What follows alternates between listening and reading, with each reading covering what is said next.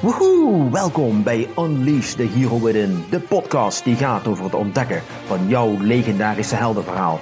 Ik neem je mee op reis langs de verhalen van helden en heldinnen die net zoals jij bezig zijn om een eigen legende te creëren.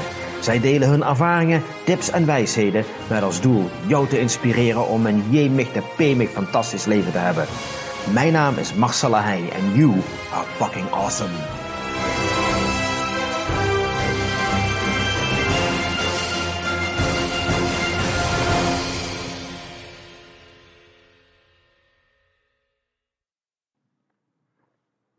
Goedemorgen en welkom bij een nieuwe aflevering van Unleash the Hero Within.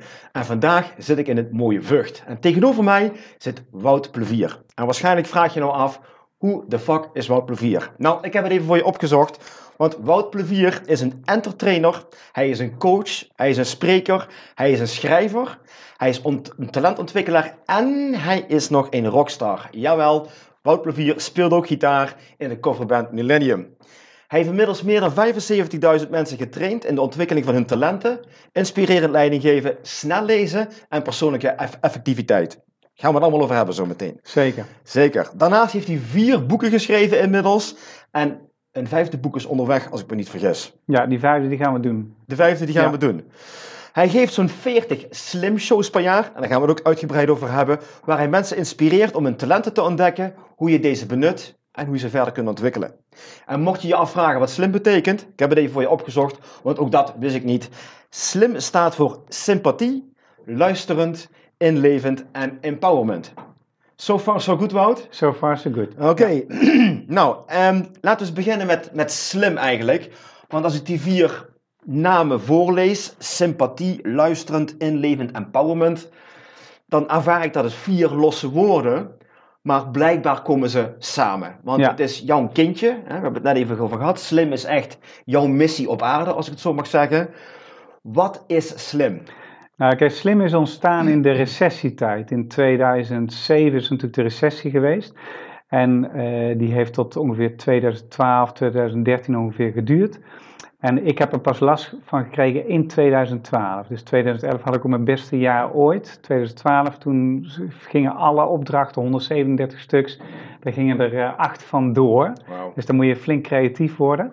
En toen ging ik daarna ging ik nadenken, hoe kan dat eigenlijk ontstaan? En dat was mijn conclusie, is dat er zijn gewoon verkeerde beslissingen genomen met een verkeerde intentie. Dus er is heel veel gekozen voor uh, eigenlijk lange pijn, kort geluk. Hè? Dus korte gewinnetjes maken. Mm bijvoorbeeld snel geld verdienen met de hypotheek van uh, iemand anders. Daar geld op verdienen. Maar op de lange termijn slijt het helemaal geen hout en levert het heel veel pijn op voor iedereen. Mm -hmm. Want uiteindelijk is die daardoor de recessie in gang gegaan. Mm -hmm. Nou, en die, die slim, daar, toen kwam ik erachter van, nou, hoe komt dat dan? Stel je voor dat elke mens beslissingen zou nemen die goed zouden voelen voor hem, goed zouden voelen voor de ander goed zou zijn voor hem en de ander en voor het grote geheel, dan heb je beslissingen die altijd naar de goede plek toe leiden. Namelijk naar misschien een klein beetje korte pijn, omdat je door een comfortzone of door iets moeilijks heen moet gaan. Mhm. Maar het levert uiteindelijk heel veel lang geluk op. Oké, okay, 1 plus 1 is 3. Juist. Mhm. En je hebt nog een tweede beslissing, die kan ook. Dat je bijvoorbeeld, het voelt niet goed voor mij, maar het is wel goed voor mij. Het is goed voor de ander en het grote geheel. Mhm. Dan moet je het ook doen, maar dan moet je iets overwinnen.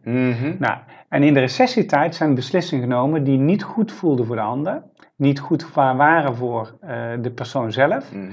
ook niet waar goed waren voor de grote geheel en toch hebben we het gedaan. Oké. En er zijn ook beslissingen genomen die wel goed voelden voor de ander. Dus hebben lopen graaien. Ja. En vervolgens hebben ze daar geld aan verdiend. Maar het was niet goed voor de ander. Want mm. uiteindelijk zijn er veel bankiers ja, daarop afgerekend.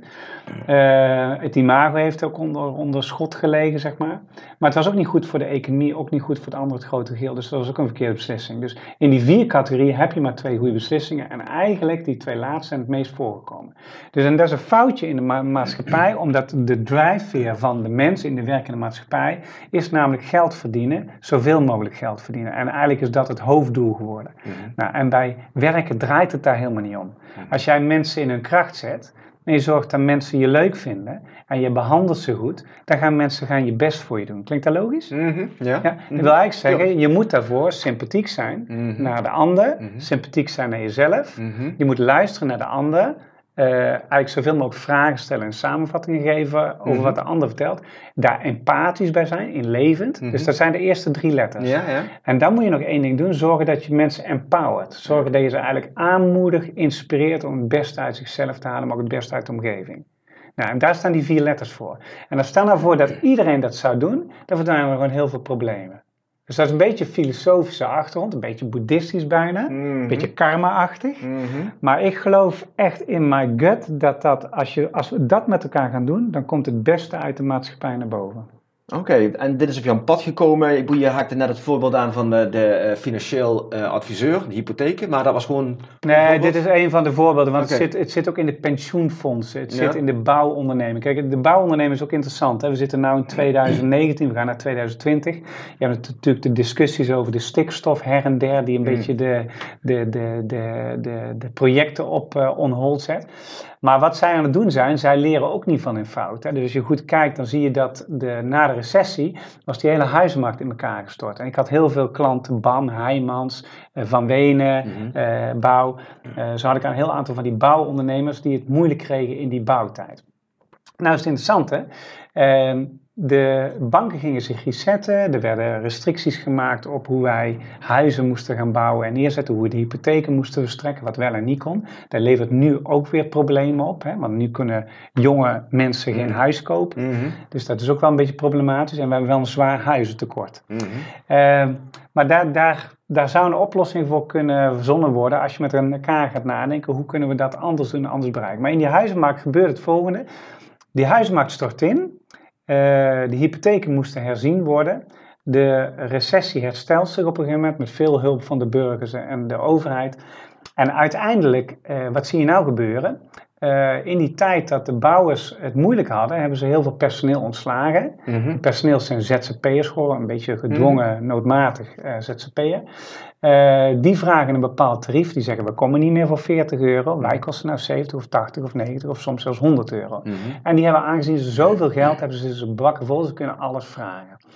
En dan krijg je het volgende, dan moet dus een project wat berekend is, komt dus niet meer uit. Dus projecten die nou gepland staan voor over twee jaar, komen nou al niet meer uit, omdat simpelweg elke leverancier die in het project zit, kost meer dan ze berekend hadden. Mhm. Dus over twee jaar stort die huismarkt waarschijnlijk weer in. Weet je? En die, file- daar, daar intrigeert mij. Maar dat is één voorbeeld, want dat zit niet alleen in de bouwwereld. Het zit ook, kijk goed naar wat er gebeurt in, eh, in de politiek. Mhm. Hè, eigenlijk hoort de politiek, de, de, ja, die hoort de mensheid, eh, de burger te vertegenwoordigen. Nou, en ik, ik denk wel eens heel vaak als ik van die debatten zie, denk waar gaat het in godsnaam over? Dat ze hier ons geld aan verkwanselen.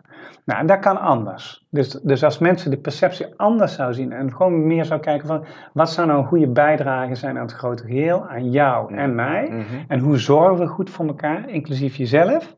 En dat wil eigenlijk zeggen ook sympathiek zijn voor jou Mhm. en voor mij, Mhm. luisteren naar jou en mezelf, inlevend zijn naar jou en mezelf en motiverend en empowerend zijn naar jou en mezelf. Oké, En, en gebeurt dat? Dan krijg je mooie uitkomsten. dat is waar. Waarom ben jij dit gaan doen? Waarom is dit jouw missie geworden? Want je doet dit al 25 jaar, geloof ik. Nou, ik doe, het, ik doe het actief als ondernemer 20 jaar, eigenlijk sinds 2000. Ik ben daar in 1997 ben ik eh, eigenlijk daarmee begonnen. Met een beetje het pad van persoonlijke ontwikkeling bewandelen. Ja, dan ga, je, dan ga je heel veel trainingen volgen, persoonlijke groei, Ja. persoonlijke ontwikkelingen. En je, en je gaat je verdiepen in van wat heeft de maatschappij een beetje nodig en wat, wat is mijn talent dan en hoe zou ik daar dan iets van kunnen maken. Mhm. En, en ik ben in de begintijd heb ik nog, eh, eh, want ik kwam oorspronkelijk uit de sales, dat is ook wel een leuk verhaal. Want ik was eerst eh, sales accountant bij eh, BP, later eh sales manager bij Dressmart, een, een Zweeds kledingbedrijf. En in die tijd moest ik eh, 48 locaties opzetten. Mhm. En dan moest ik mensen trainen en zorgen dat ze empowered werden om te verkopen. En dat er Mhm. een plan werd en dat we een team werden en dat soort dingen. En het was een ontzettend leuke tijd. Het was de tijd van de dotcommers, alles kon. Mhm. En dotcommers zijn veel uit elkaar gespat, hè? dus Mhm. alles kon, maar dat ging helemaal over de top. Mhm. Maar dat was ook wel een keer leuk om een keer mee te maken. En in die tijd trainde topscorer, trainen met mensen. En toen heb ik anderhalf jaar met een trainer opgetrokken. En die hebben me op een gegeven moment een baan aangeboden. heb ik niet genomen, want ik ben ZZP'er geworden in die tijd. Mhm. Dus ik ben drie jaar eigenlijk ZZP geweest, maar ik heb heel veel training gehad toen. In persoonlijke groei, ontwikkeling, coaching, trainer, eh, trainer, trainer, didactische opleidingen, NLP, nou, noem maar op. En, en dan ga je heel veel uurtjes maken en dat was best wel spannend voor een groep staan. En dat ging eigenlijk ook in het begin best wel vaak mis. Omdat namelijk als je gaat trainen, dan is in beginsel is je ego soms, tenminste was bij mij zo, mijn ego was te groot, want ik, ik ga het jullie wel even vertellen. Mhm. Maar dat werkt niet zo. Dus ik heb heel veel van die, van, die, eh, van die ervaringen gehad dat we een groep niet in gang kregen of dat het niet lukte of dat soort dingen. En op een gegeven moment word je er beter in, dan ga je realiseren, nee, je moet de groep laten werken en je moet je met name gaan interesseren in wat zij belangrijk vinden. Mhm. En daar eigenlijk je training omheen bouwen, doe je dat, dan krijg je empowerde mensen. En daar ben ik een beetje steeds verder gaan uitbouwen. Mhm. En zo is uiteindelijk is van daaruit ben ik me gaan verdiepen in het brein. Hoe werkt het brein en hoe werkt het ten aanzien van leren? Mhm. En vanuit daaruit hebben we dat omgezet naar een spreekshow slim en een training slim en nou, alles wat ik doe. Ja, want wat is de impact van slim? Stel je voor iemand zegt, nou, hm, dat klinkt interessant. eh, ik wil wel eens meer weten over het hele slim gebeuren. Want ja, wie wil dat nou niet? Hè? Meer sympathie, meer luisteren, meer inlevend, meer empowerment. Ja. Hè? Hoe je dat net vertelt. Ja, het zijn allemaal ingrediënten waarvan ik denk, dat willen we eh, allemaal wel hebben. Hoe, hoe ziet dat eruit? Dus ik kies daar nou voor, ik wil mijn leven beter gaan maken. Ik wil mezelf verbeteren, op welk front dan ook. Ehm, hoe, hoe ziet dat eruit? Ik ga naar zo'n slim show bijvoorbeeld, hè? of ik ga een boek lezen. Maar neem even zo'n slim show als voorbeeld. Ik ga naar zo'n slim show en dan, ik zit daar in het podium, de lampen gaan uit, action. De show begint. De Ja, show begint. Ja, ja, ja wat, wij, wat wij kiezen als route om mensen een beetje in, erin te trekken, is dat we mensen eerst een gevoel eh, geven, een, een gevoel opwekken. Mhm. Dat doen we met een lichtshow en dat doen we met muziek en we doen met interactieve oefeningen en dat soort dingen. Maar ook met een inspirerend verhaal. En eh, gevoel komt eerst en dan laat je mensen iets ervaren en dan mogen ze met elkaar delen wat ze ervan geleerd hebben en dan ga je dat wat verdiepen. En uiteindelijk, dan vullen we waar nodig, vullen we nog een beetje aan. En dat is een hele nice manier om mensen iets te leren Mhm. omdat dat dan eigenlijk voor 90% uit hun komt en 10% uit degene die er staat. Want de bedoeling mag niet zijn bij Slim dat er een goeroe of een training voor, trainer voor staat die het allemaal weet. Dat weten we natuurlijk wel, maar dat zeggen we niet. Mhm. Eh, maar, maar, nee, maar de kunst is zeg maar niet je kennis continu te, te, te, te stuwen, maar eigenlijk zoveel mogelijk uit de mensen halen. Omdat als jij vastloopt, dan heb jij best wel een, eh, een goede gedachte erover hoe dat komt dat jij vastloopt. Mhm. Kijk, er zijn overigens in, in motivatie, en daar, waar- daar begonnen wij de morgen vanmorgen mee. Hè? Mhm. Je hebt twee routes. Ja. Eh, gaan mensen vanuit de plezierroute of vanuit de pijnroute? Mhm. En de plezierroute is meer zo van, nou, ik wil vitaler worden of gezonder, of ik wil meer uit mezelf halen, of ik wil mezelf verdiepen, of het zou zo nice zijn als ik wat rustiger van binnen word, of dat soort dingen. En dan ga je op zoek naar iets wat je die inspiratie kan brengen. Dan kijk je een YouTube-filmpje, een podcastje zoals dit. Mhm. Eh, je kijkt misschien een film die je inspireert, of je gaat een seminar volgen, of naar een trainer toe, of een coach, of dat soort dingen. De andere route, dat is de, de route die in de maatschappij eigenlijk het meeste voorkomt, want ik ben van mening dat persoonlijk leiderschap het minst ontwikkelde ding is van de mens. Mhm. Nog steeds. Dat was twintig jaar geleden zo, het is nu nog steeds zo. Er is wel aandacht voor, maar als je kijkt dat de meeste trainingen zijn vaardigheidstrainingen van mensen, terwijl eigenlijk als je, ja, als je aan het eind van je leven bent, Mhm. dan zijn er maar drie dingen belangrijk. Ben je geweest wie je wilde zijn? Heb je gedaan wat je wilde doen? En heb je voldoende lief gehad en gehouden van? Dat zijn de drie levensvragen van de mens. En vanuit die ontwikkeling zou eigenlijk elke mens eh, veel meer moeten kijken van eh, hoe kan ik mijn persoonlijk leiderschap ontwikkelen? Waar sta ik nu? Mhm. En waar wil ik naartoe en hoe kan ik het ontwikkelen? Nou, algemeen gezegd, het leven heeft negen levensfasen waar een mens doorheen gaat. En al die levensfasen hebben een bepaald thema. Bijvoorbeeld van 0 tot 1 is, je bent alleen hier, het universum draait om jou. Mhm. Van 1 tot 3 is, oeh, er zijn ook anderen, ik moet wel in beeld blijven. Van 4 tot 7 is het, oeh, er gaat iets fout, ik moet dat oplossen. En dan kijk je naar je ouders. Hoe doen die dat? En dan pak je er eentje uit. En daar ontstaat de perfectionist en de winnaar en de helper en de oververantwoordelijke. Maar ook de mensen uit die zeggen, ik ben dom of ik ben niet slim of anderen kunnen het beter. En ik durf te beweren, en als grond daarvan, omdat mensen te weinig zelfinzicht hebben, dat 90% eigenlijk daardoor in een bepaalde fase in eh, een van die eh, negen levensfasen krijg je op een gegeven moment een herfst, dan gaat het een beetje stormen. Mhm. En dan komt er een winter en dan wordt het moeilijk. En dan moet je iets veranderen. En als jij het niet doet, dan zorgt het leven voor dat life will fuck up your life. Ja, life will fuck up your life. En, en dat is heel gaaf dat, dat het zo werkt, omdat dat eigenlijk betekent dat in eh, de Slim Show proberen we mensen die ervaring te brengen dat de thema's van Slim zijn sympathie, luisteren in leven, motiveren. Maar hoe word je dat? Dat is natuurlijk veel belangrijker. Mhm. Dat doe je door te weten wat je bestemming is. Nou, dat weten de meeste mensen niet. Mhm. Eh, voel jij nog wat belangrijk voor jou is? Mhm. We hebben 1,3 miljoen mensen die burned out zijn. Wat eigenlijk betekent dat eh, eh, mensen negeren hun gevoel. Want Ja. anders zouden ze nooit burned out Ja, raken. ja, ja. Snap je? Ze zijn helemaal van het pad af Ja, eigenlijk. helemaal van het pad af. Ja. Kijk, en het derde is, heb jij, heb jij duidelijk wat jou bezield maakt, passioneel maakt, enthousiasmeert en doe je het ook voldoende? En dan heb je, ervaar je regelmatig stress en weet je hoe je ermee om moet gaan. Mhm. En dan is het, hoe leer je op de snelste manier een nieuwe routine aan? En dan is het, hoe word je fit? En hoe maak je dat tot een dagelijkse routine? En eigenlijk is dat een beetje waar slim eigenlijk om draait. Kun je de juiste routine van leven vinden in die fase, waardoor jij geen stress ervaart, waardoor jij niet vastloopt, waardoor je in verbinding blijft met je partner, waardoor jij in je droombaan komt te zitten. Allemaal dingen die nice zijn, waardoor je eigenlijk elke belemmering elimineert.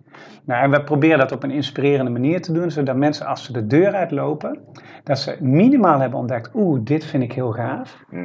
En dat doe ik eigenlijk te weinig. En ah, dat is mijn talent, maar dat zeg ik eigenlijk te weinig.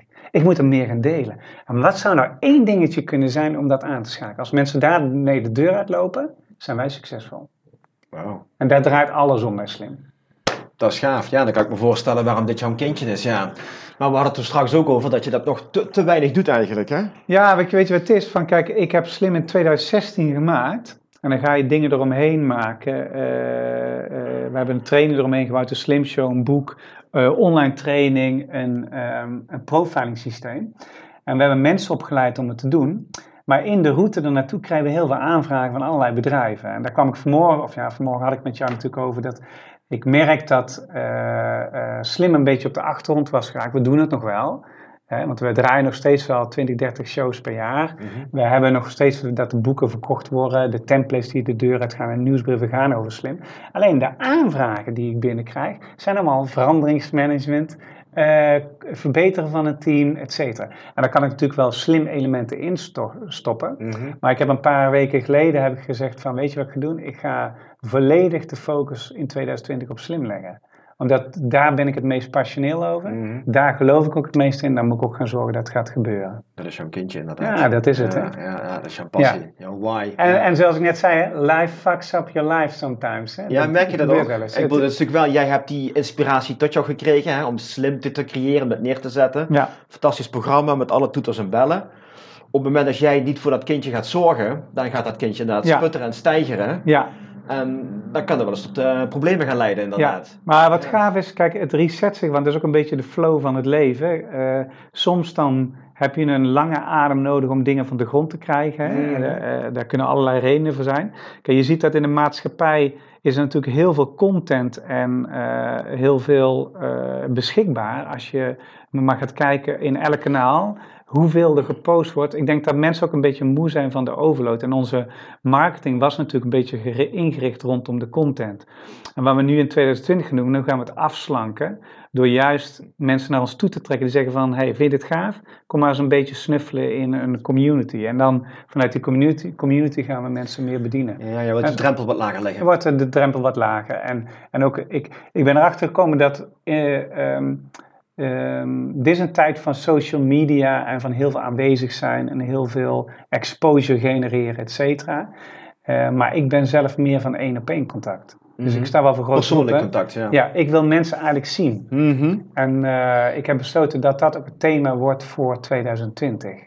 Connect, Ja, verbinding. Verbinding. Dat, dat wordt het thema voor mij voor het komend jaar. Ja, ja grappig. Want ik ben ook bezig met het thema verbinding. Oh, Ik heb gaaf. een heel plan over geschreven voor 2020. Het heet Ja, de gaaf. weg naar verbinding. De weg naar verbinding. De weg Nou, naar verbinding, ja. Unfucking believable. ja, maar geloof jij dan ook dat, dat dat ook de reden is dat wij... Kijk, ik heb toen jij een beetje moeilijk zat, ik je natuurlijk aangeboden, ik ga je Ja. helpen. Maar dat doe ik sowieso als ik mensen gaaf vind.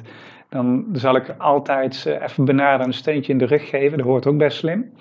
Eh, maar wat gaaf is, is natuurlijk, jij, jij vindt ook je route en je kan ook zien wat je doet, eh, waar je enthousiasme ligt en je Mm. passie.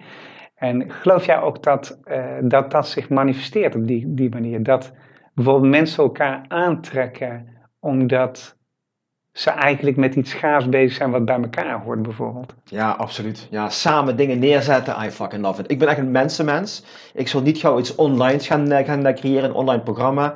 Ik moet mensen echt voelen. Ik, en niet Ja. dat ik eh, met z'n bed, bed allemaal wil duiken, maar ik moet gewoon die energie voelen. Ik moet één op één, ik moet voor een groep staan en ik moet, ik moet die hug voelen. Ik moet echt die hug voelen. Ik ben heel Ja. erg van verbinding op dat gebied. Ja, En ik geloof ook dat als dat is wie je bent, dat je dan allerlei elementen gaat aantrekken in jouw leven die daarbij horen. ja, Of dat nou mensen zijn, of kansen, of ontmoetingen, of uitnodigingen. Het maakt allemaal niks uit. Hè? The universe works in eh, mysterious ways.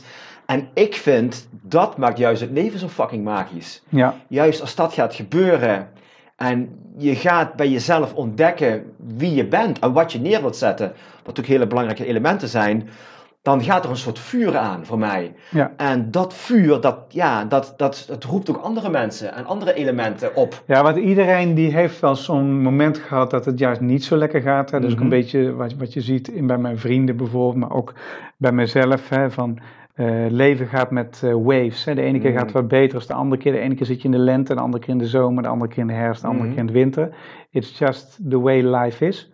Ik heb ooit iemand gehoord die zei van eh, als je leven geen probleem hebt, ben je dood. Ja. Dus life equals problems. Dat vind ik dan wel een mooie quote. Maar de kunst is natuurlijk om eh, zo dicht mogelijk bij je eigen rode lijn te blijven. Mhm. En, en exact ook te weten, wat is mijn bestemming en, Mm. en waarom doe ik dit? Mhm. Weet je wel, en waarom is het absoluut, absoluut noodzakelijk dat dit ook gaat eh, verspreid worden en gaat ontstaan? Ja. ja, en ik geloof ook dat als jij jouw, jouw passie ontdekt hebt, jouw vuur, jouw heilige graal ontdekt hebt, dan moet dat verder worden uitgebouwd. Hè? Want je hebt iets te, eh, te, te geven aan de wereld. Ja, Hoe kun je daarvan groeien? En ik geloof dat je de uitdagingen en de problemen en de herfst nodig hebt om de shit van je af te spoelen, om de dingen uit je leven te halen. En hoe mooi is het om erachter te komen wat de shit in jouw leven is door de problemen die zich op jouw pad eh, voordoen. ja, Dan komen ze in jouw blikveld. Er is geen turning away mogelijk. Dit is gewoon, dit is de shit. Deal with it. En pas dan kunnen we verder. Ja, ik heb een vriendin, Paulien eh, de Wilde en eh Paulien van Aken. Die eh, zijn allebei presentatrices geweest van televisieprogramma's zo. Maar het zijn hele leuke meiden. Maar die, daar had ik een tijdje geleden had ik lunch mee. En die zei ook van, ehm, ja, probleem is een cadeautje. Toen zei ik van, gadverdamme, daar heb ik altijd zo'n hekel aan als Ja. mensen dat zeggen. Hè? Probleem is een cadeautje. Nee, zegt ze, maar heb je dan niet dat als je een probleem hebt gehad en je hebt het opgelost, dat je dan heel blij bent daarna? Ik zei, ja, fuck, dat, dat, Ja, ja. dat is wel zo, ja. Ja, Ja, dat is wel zo, ja. Want Ja. want ja, het, het, is goed, je, het maakt je als mens completer en je groeit meer. Hè? Ik denk dat dat het ook is. Maar algemeen vind ik ook dat wel dat wij onze standaard een beetje mogen verhogen. Dus het, ehm, eh, ik denk ook dat wij eh, als mens geneigd zijn om soms te veel in de routine te gaan hangen. Mm. En dat dat ook het, leven, dat, dat, ook het gegeven is waarom life will fuck up your life. Want fucking comfortzone. ja, je zit te veel in de comfortzone. En Ja. als je stilstaat, ben je dood. Hè? Dan, Mm. eh, eh, life is about motion maken. Wat niet wil zeggen dat je een keer maar uitrusten of een keer eh, Sure, ja. je mag genieten of Mm. dankbaar zijn of tevreden mag zijn van maar wat je wil. Als je maar de notie hebt dat je, er is altijd een next level waar, wat misschien nog wel gaver of makkelijker of efficiënter of beter of cooler of Ja. misschien wel rustiger is voor jou. Ja, absoluut. So change the setting, hè? Ja, ja, maar dat is toch ook gaaf? Het is gewoon Ja, never eigenlijk- expanding. Eigenlijk Always wel. expanding. Ja, ja. Ja. Nou, die- kijk, in de maatschappij zijn ze best wel gefixeerd in een mindset. Hè? En eh, als je Carol Dweck leest, die heeft over de groei en de fixatie, gefixeerde mindset en de, de groeimindset. En gefixeerde, dan ga je ervan uit dat iets statisch is en dat talenten eh, eigenlijk het pad effort naar succes, dat diploma's hetgeen zijn die je moet hebben om eh, in je carrière succes te boeken. Nou, daar komen we nu ook wel van terug, want het onderwijs gaat veranderen en diploma wordt niet meer het eikpunt, het wordt je personality. En die, die personality, dat is ook de reden dat ik vind dat veel meer mensen eh, daar, dat mogen verdiepen. En ja, we- wees niet tevreden met hoe het, ben, hoe het is, weet je. Kijk eens of er een next level is. Daag jezelf eens een klein beetje uit, weet je. Ga eens een klein beetje buiten je comfortzone.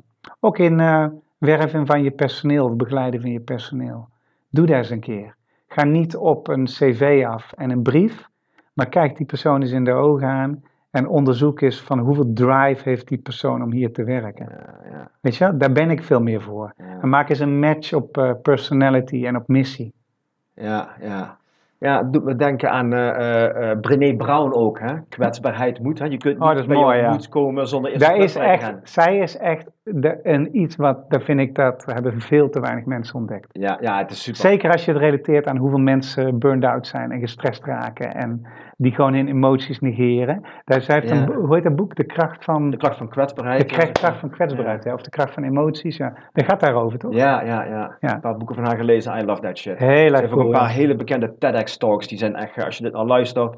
Brené Brown, TEDx-talk, mind-blowing. Een van de Ja. beste TED-talks. Ja, wat, zij, wat ik gaaf vond, want ik heb een van die TED-talks van haar gezien, dat zij, eh, zij is de, haar eerste boek wat ze erover schreef, was gebaseerd op een onderzoek dat ze deed, want ze was wetenschapper en ze geloofde dat eh, emoties er eigenlijk niet zoveel toe deden. Ja. Dat was het toch? Ja, ja. En daar was ze helemaal voor teruggekomen. Ja, ja, dat was heel mooi. Ja, cool. Ja, trouwens, mocht je op Netflix zitten, wat misschien ietsjes populairder is dan een TEDx-talk, er staat een documentaire op Netflix van Brené Brown. Daar geeft ze een lezing, inspirerend tot het diepste van je ziel. Ja, dat is gaaf. Kan ja. ik ook van harte aanbevelen, inderdaad. Ja. En ik, ik vind het ook heel erg fijn, hè, want juist doordat we meer onszelf laten zien, is daar gewoon meer, eh, meer eh, eh, kwetsbaarheid voor nodig. Ja, Dat is voor mij de sleutel. Als Ja. jij meer van jezelf wil laten zien, van wie ben je werkelijk, fucking do it. Ja. Laat het dan zien. ja, Laat, durf te laten zien wie je bent. ja, En spreek uit wat je dromen zijn en wat je verlangens zijn. Share that shit with the world, want er komt een dag en is het te laat. En dan ga je spijt ervan krijgen dat je het niet gedaan hebt. En dat is ook een soort missie die jij absoluut heel duidelijk hebt. Dat je mensen daarmee wilt helpen. ja. Nee, maar dat is het, ja. ja. Ik heb, eh, dat is heel grappig. Hè? Van mijn vrienden zijn er van de negen zijn er acht gescheiden.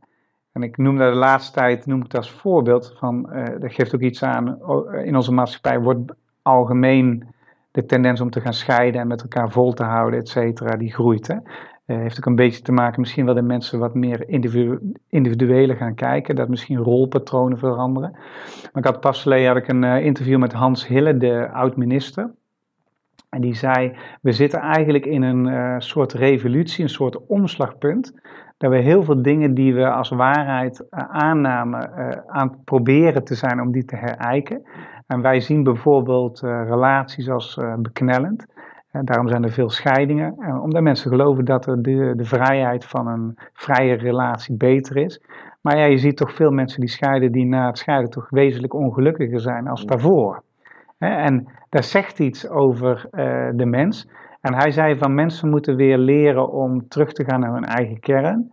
En van daaruit stapjes te nemen om ja, zich te ontwikkelen. En daarvoor moet je dus empathisch zijn in jezelf. En moet je kunnen inleven wat voel ik eigenlijk en wat is belangrijk voor mezelf. Maar je moet ook oog hebben voor de ander. Wat is eigenlijk, wat is eigenlijk belangrijk voor de ander? En vandaar, is- vandaar dat ons thema is verbinding. Op zoveel vlakken. nou, op zich, ik vind het eh, eh, relatie wel een interessante, want op weg hier naartoe was ik een podcast aan het luisteren van Tony Robbins. Ah, En dat was een vrouw die was eh, bij UPW geweest en die stond op het punt om te gaan scheiden van haar man. ah, En ze waren samen overeengekomen, ze waren 25 jaar getrouwd en ze zagen het als een, als een business deal. Ze zeiden echt van luister, onze 25-jarige huwelijksdag zit eraan te komen, die dag gaan we, gaan we scheiden. We gaan alles financieel goed regelen, we gaan uit elkaar. En toen gingen ze naar de UPW toe, en UPW is een eh, seminar of Ja, zo. een seminar van Tony Robbins Ja. in Londen. Of die vrouw is toen alleen gegaan. En dat heeft haar zo geraakt. Toen heeft zij zich ingeschreven op een vervolgtraject van Tony Robbins in Maui op Hawaii. En dat was een relatie, zevendaagse of vijfdaagse geloof ik. Ja, Volgens mij is dat een eh, A Date with Destiny, maar ik weet het niet zeker. En dus zij heeft kaartjes gekocht, heeft haar man gebeld van luister, ik weet dat we gaan scheiden, maar ik heb het gedaan. Ik heb kaartjes gekocht voor een seminar van Tony Robbins en daar gaan wij naartoe. Daar gaan wij met z'n tweetjes naartoe. En die vent die wist nog niet eens wie To- Tony Robbins was. nee. Maar die vent was een hele succesvolle ondernemer en die zei van luister, jij hebt het grootste gedeelte van jouw leven heb jij je gegeven aan de opvoeding van de kinderen, zodat ik een succesvolle ondernemer kan zijn. Dit is het minimaal laatste wat ik jou kan aanbieden. Ik ga met jou mee. Ik doe dat voor jou. Dus die zijn samen naar het Date with Destiny gegaan met, eh, bij eh, Tony Robbins. En Tony Robbins die stelde aan het begin van het seminar de vraag, wie zit hier tegen zijn zin? En die man stond op. Oh, Ja, ik bedoel, hè, die fans van Tony Robbins komen best wel veel mensen. nou, En hij was een van de, ik geloof twee of drie mensen stonden op. En hij was er eentje van. En Tony Robbins heeft hem eruit gehaald. En haar toen ook. En hebben die een intervention gekregen. En die duurde twee uur. En die twee uur heeft hun leven allebei gigantisch veranderd. Ze zijn niet gaan scheiden. Hun relatie is succesvoller dan ooit.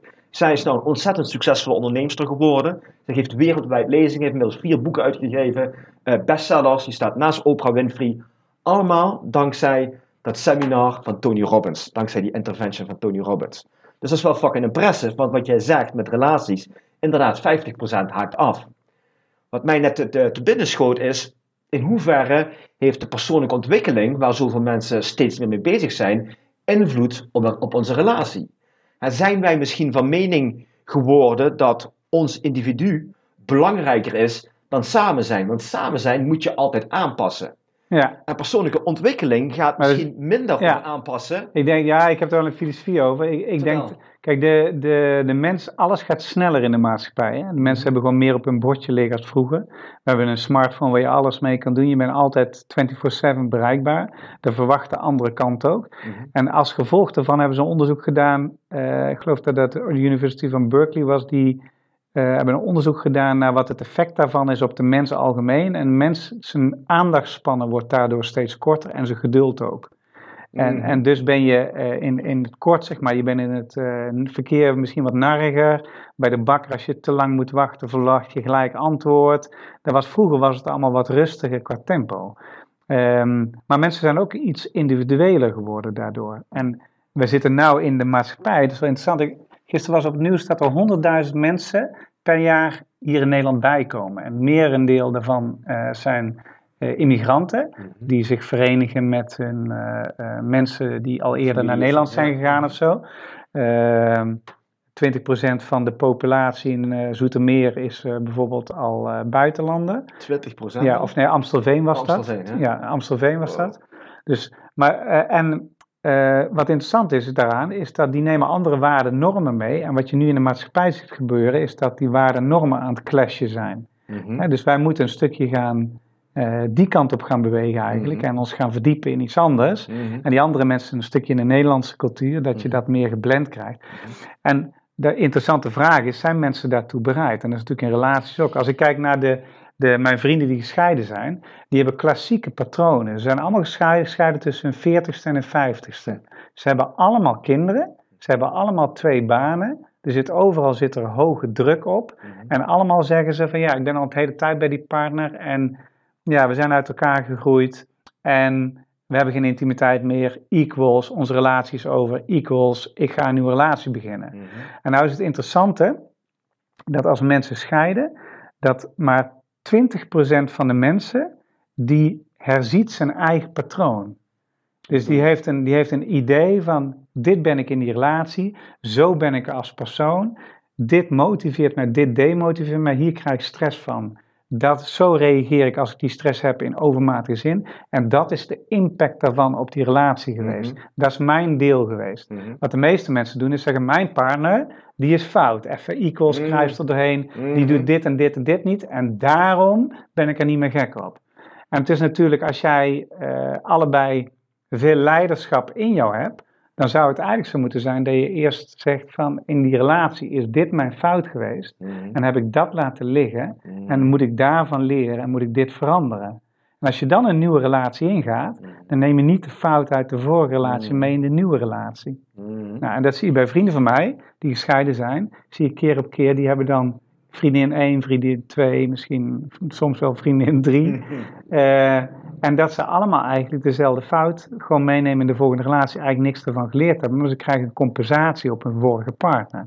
Dus als hun vorige partner heel star was en heel, uh, heel hard of rationeel, dan hebben ze 100% zeker nu iemand die heel zacht is en begripvol empathisch. Maar daar zitten natuurlijk ook uh, nadelen aan. Mhm. Snap je wat ik bedoel? Ja, ja, ja, ja, ja. En omdat ze hun eigen patroon niet herzien, levert dat in de nieuwe relatie vaak ook problemen op. Oké, maar hoeveel mensen stappen uit een langdurige relatie en gaan hun patroon aanpassen, zodat ze in een nieuwe relatie dat patroon niet meer tegenkomen? 20%. 20% maar. Ja. Dat is verrekt te weinig. Dus ja. kunnen we dan zeggen dat 80% achteraf spijt heeft van de echtscheiding die ze doorgevoerd hebben? Moet jij het nog Nou, het merendeel. Uit onderzoek blijkt dat 76%, ik geloof 75, 76%, eh, van de mensen die, eh, die in een relatie uit elkaar gaan, die zijn na de scheiding ongelukkiger als daarvoor. Holy Komt shit. ook omdat er meer te managen valt, er is nog meer shit bijgekomen, nog meer financiën, Ja, nog ja. meer, alles is toegenomen. Plus, als jij scheidt, dan is in de meeste gevallen, ben je nog steeds, als, je- tenminste als je kinderen hebt, kijk, als je geen kinderen hebt is het anders, dan ga je uit elkaar en dan is het gewoon, eh,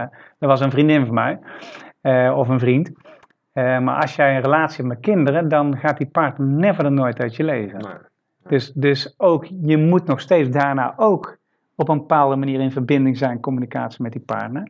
En misschien vergeten we dat wel eens, hè, dat deel. Wat niet wil zeggen dat je niet mag scheiden of zo. Het is alleen maar een, eh, een hunch of een tip, zeg maar.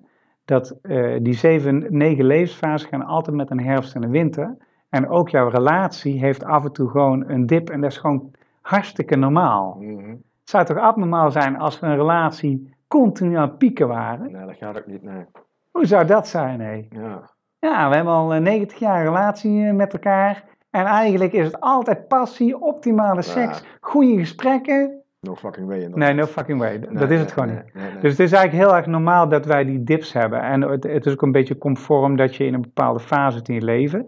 En ze hebben dus ook onderzocht dat mensen die in, op punt van scheiden stonden en bij elkaar bleven, daarvan was 85% na vijf jaar gelukkiger als ooit daarvoor. Omdat ze samen een storm hebben meegemaakt? Ja, omdat ze een storm hebben meegemaakt en omdat ze eh, zichzelf en elkaar opnieuw hebben uitgevonden en een weg hebben gevonden en het tijd hebben gegeven en nou ja, et cetera, et cetera.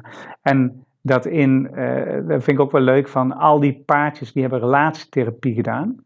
Vind ik ook heel interessant. Mhm, ja. En relatietherapie, dat, dat schijnt zo te zijn dat in de tijd dat ik mijn eh, boek bij Psychology Magazine schreef, toen hadden ze de oktobereditie kwam uit en die ging over relaties en relatietherapie, of dat wel of niet werkte en hoe je relatie goed kan houden en dat soort dingen.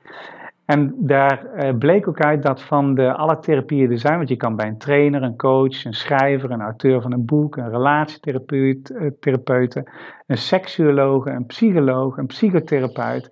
Je kan overal kan je relatietherapie doen.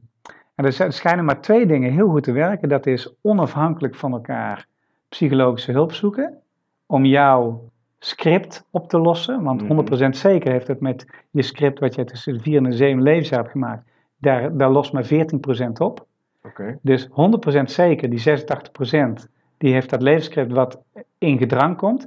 En als je dan kinderen hebt, wordt het drukker, et cetera. En dan rond de 40ste loopt dat gewoon vast. Ook met eh, invloed van hormonen extra, de penopauze, de, de menopauze die Ja. meespeelt, et cetera. Maar ook de druk in je leven op dat moment, dat moet het gebeuren in je carrière en dat soort dingen. Het is gewoon too much.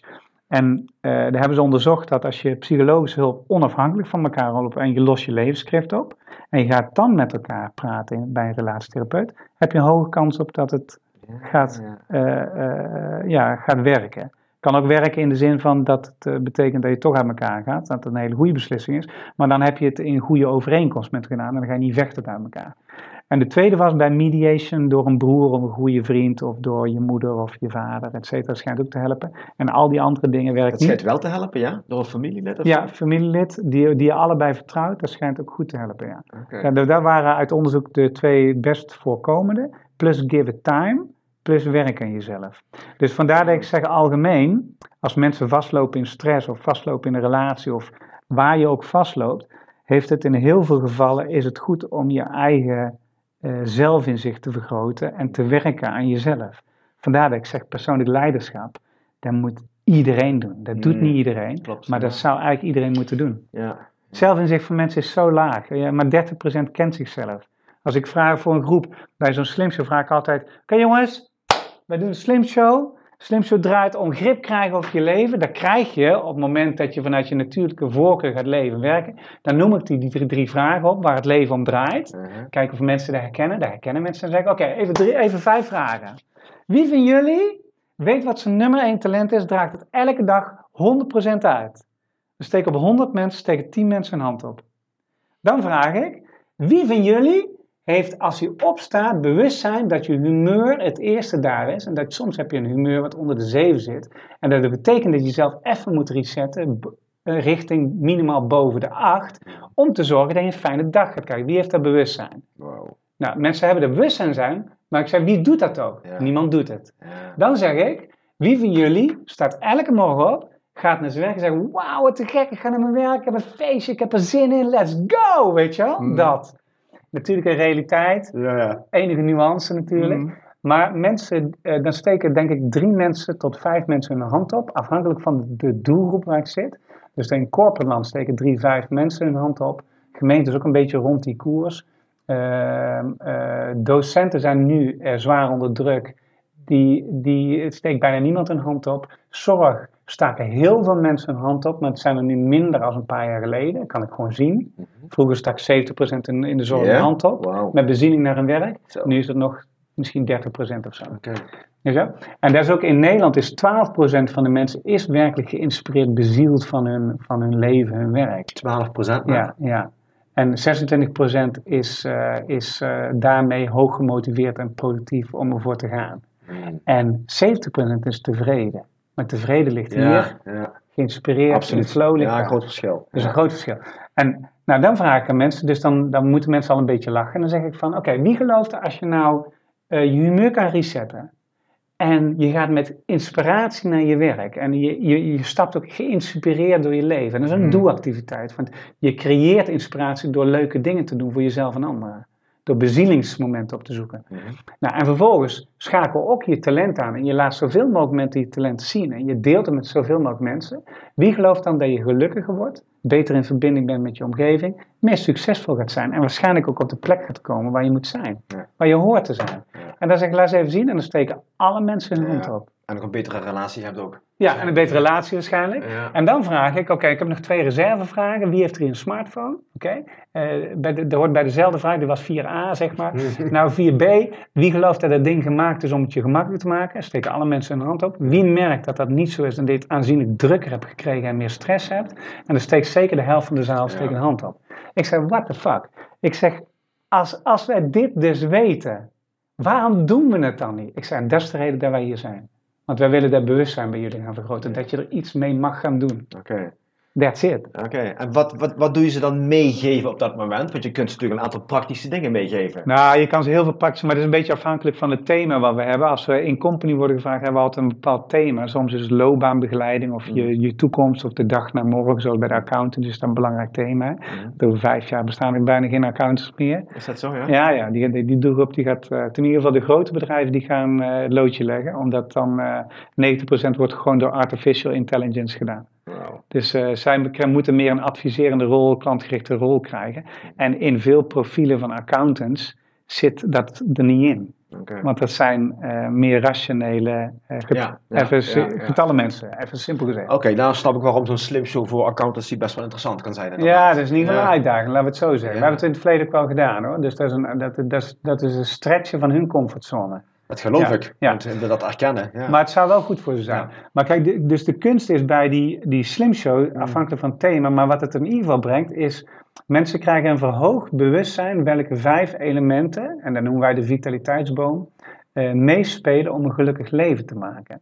En ze krijgen het bewustzijn dat je daar een routine van maakt. Een routine is eigenlijk een soort ding waar je niet meer over nadenkt, Mhm. maar je doet het omdat je weet dat het goed voor je is en de ander. Eh, bijvoorbeeld, je staat op en eh, koud douchen is bijvoorbeeld goed. Ja, ja. Dat doen we niet graag, maar als, koud, Ja. als je het doet, je wordt er Ik doe het elke dag. It's, it's awesome. Iedereen die de dag zou beginnen met mediteren, ademhaling, sporten, zou fitter zijn op zijn werk. Dus dat is eigenlijk een goed ding, zou iedereen moeten doen. Dat dat niet realiseerbaar is volgens veel mensen, betekent eigenlijk dat ze niet realiseren dat succesvolle mensen vaak twee uur eerder opstaan en het wel doen. Weet je wel? Dus, dat is het, ja. dus, dus heb je de drive om, om, en zie je de noodzaak om te heeft mee te maken. Wil eigenlijk zeggen, korte pijn, lang geluk. Wederom. Ja, ja, ja. Kijk, en dan eh, die rituelen, als je een, een routine kan maken van dingen die goed voor je zijn en je kan je daar je planning op afstemmen, zodat er meer rust overzicht staat, maar je ook de dingen doet die belangrijk zijn, maar niet urgent. Want wij zijn nou alleen maar gericht op belangrijk urgente dingen Mhm. en niet belangrijk urgente dingen. Hè, iedereen die in zijn telefoon zit te kijken, is niet belangrijk, Ja. is wel urgent, maar niet belangrijk. Maar we doen het heel veel, zelfs in restaurants tegenover elkaar. ja. Terrible. Gewoon, hè? Dus soms is het uitzetten van zo'n ding is ook heel nice. Kijk, dus het kan zijn dat we zeggen, we maken ze bewust van vijf elementen die ze vitaler maken. Het kan zijn dat we een stukje extra eh, bezieling laten voelen. Mensen zijn vergeten hoe het voelt om bezield te zijn. En Robin, in, eh, waar ik het mee doe, Robin van Beek, ja, die coacht allemaal bekende Nederlanders. Die doet het met name met muziek en met de voice, om mensen te laten voelen hoe het voelt om voluit vrij te zingen, zonder genre. Weet je wel? Dat is een manier. Maar we laten het ook bijvoorbeeld voelen door ze kleine oefeningen te doen waarmee ze realiseren hoe fijn het eigenlijk is om te verbinden met mensen en hoeveel plezier je daarmee kan maken en hoe weinig je dat gevoel eigenlijk maakt zelf alleen. Nou, dat is het bezieling Dan gaan we naar talent. Uh, uh, we gaan mensen laten leren ontdekken hoe je je talent kan ontdekken. En hoe je het kan delen en hoe je het kan aanschakelen. Weet je, dat is ook super nice. Dat is absoluut super nice. Nou, en dan geven mensen nog een beetje een inzicht hoe je daar een routine van kan maken. En dat doen we meestal in de Slim Show doen we door ze de vijf tips te geven. Waarmee je absoluut meer rust overzicht krijgt, maar die niemand gebruikt. Noem er eens een. Uh, plan 20% uh, op elke taak die je hebt en gebruik hem niet. Dus je hebt bijvoorbeeld een vergadering staan. Ja, Nou, heel veel mensen hebben vergaderingen in blokken achter elkaar staan. En je plant een uur vergadering. En in de agenda staat 1 uur 12 minuten. Mhm. Waarbij je tegen de mensen zegt, de vergadering duurt van 9 tot 10. Mhm. Maar in je agenda staat van uh, eh, 9 tot 12 over 10. Ja, oké. Ik ben ook voorstander van 12 over 10 eindigen. Niet in blokken van een half uur of een uur. Mhm. Maar ik ben voorstander van 12 over 10 eindigen. Oké. krijg je meer focus van. Maar dat is er één bijvoorbeeld. En dat zorgt ervoor dat die 12 minuten kun je gebruiken om voor te bereiden. Uh, even cooling down te doen van die vergadering als het verhit is geweest. Voor te bereiden op een nieuwe vergadering. Misschien even kletsen met een collega. Misschien even kijken, hé, hey, wat is eigenlijk ook weer belangrijk vandaag om te doen? Waar moet ik me op focussen? Dat soort dingen. Mhm. Dingen die je eigenlijk anders nooit zou doen. Weet je? Mm nou, en daar ontstaat door meer rust. Maar dat is één voorbeeld. Je kan bijvoorbeeld ook zeggen, je begint de dag niet wat 84% van de mensen doet, met het lezen van een mail. En dat doen ze de hele dag door. En wij zeggen, lees je mail pas om 10 uur en om half drie. Twee momenten. En doe het een beetje zoals Getting Things Done. Maak een selectie van niet nu later, niet nu later. En dan heb je die selectie, maar dan mag je pas beginnen. Mm nou, en die, uh, die, uh, dat indelen van zeg maar, die mail op een andere plek zorgt ervoor dat je de dag kan beginnen met je meest belangrijke niet-urgente taak. En je laat iedereen weten dat je daar niet gestoord mag worden. En tegen jezelf zeg je, er mag niks tussen dat komen. Hoe dringend het ook is, dit blijft staan. Dat is een blok tijd wat je gewoon, ja. dat is heilig. Ja. ja, en dat gebruik je bijvoorbeeld om je mensen te coachen. Uh, om dingen te automatiseren. Uh, om te zorgen dat je 100% energie gaat krijgen. Anthony Robbins hoorde ik pas op de radio en die zei: Je moet je hour of power doen. Ja. Weet je wel? Dus een, een uur gaan sporten, lopen, mediteren, eh, bepaalde zinnen tegen jezelf zeggen om krachtiger te focussen, dat soort dingen. En dat noemen ze een belangrijke niet-urgente taak. Eentje die je 100% rendement en tijd gaat opleveren als je het gaat doen.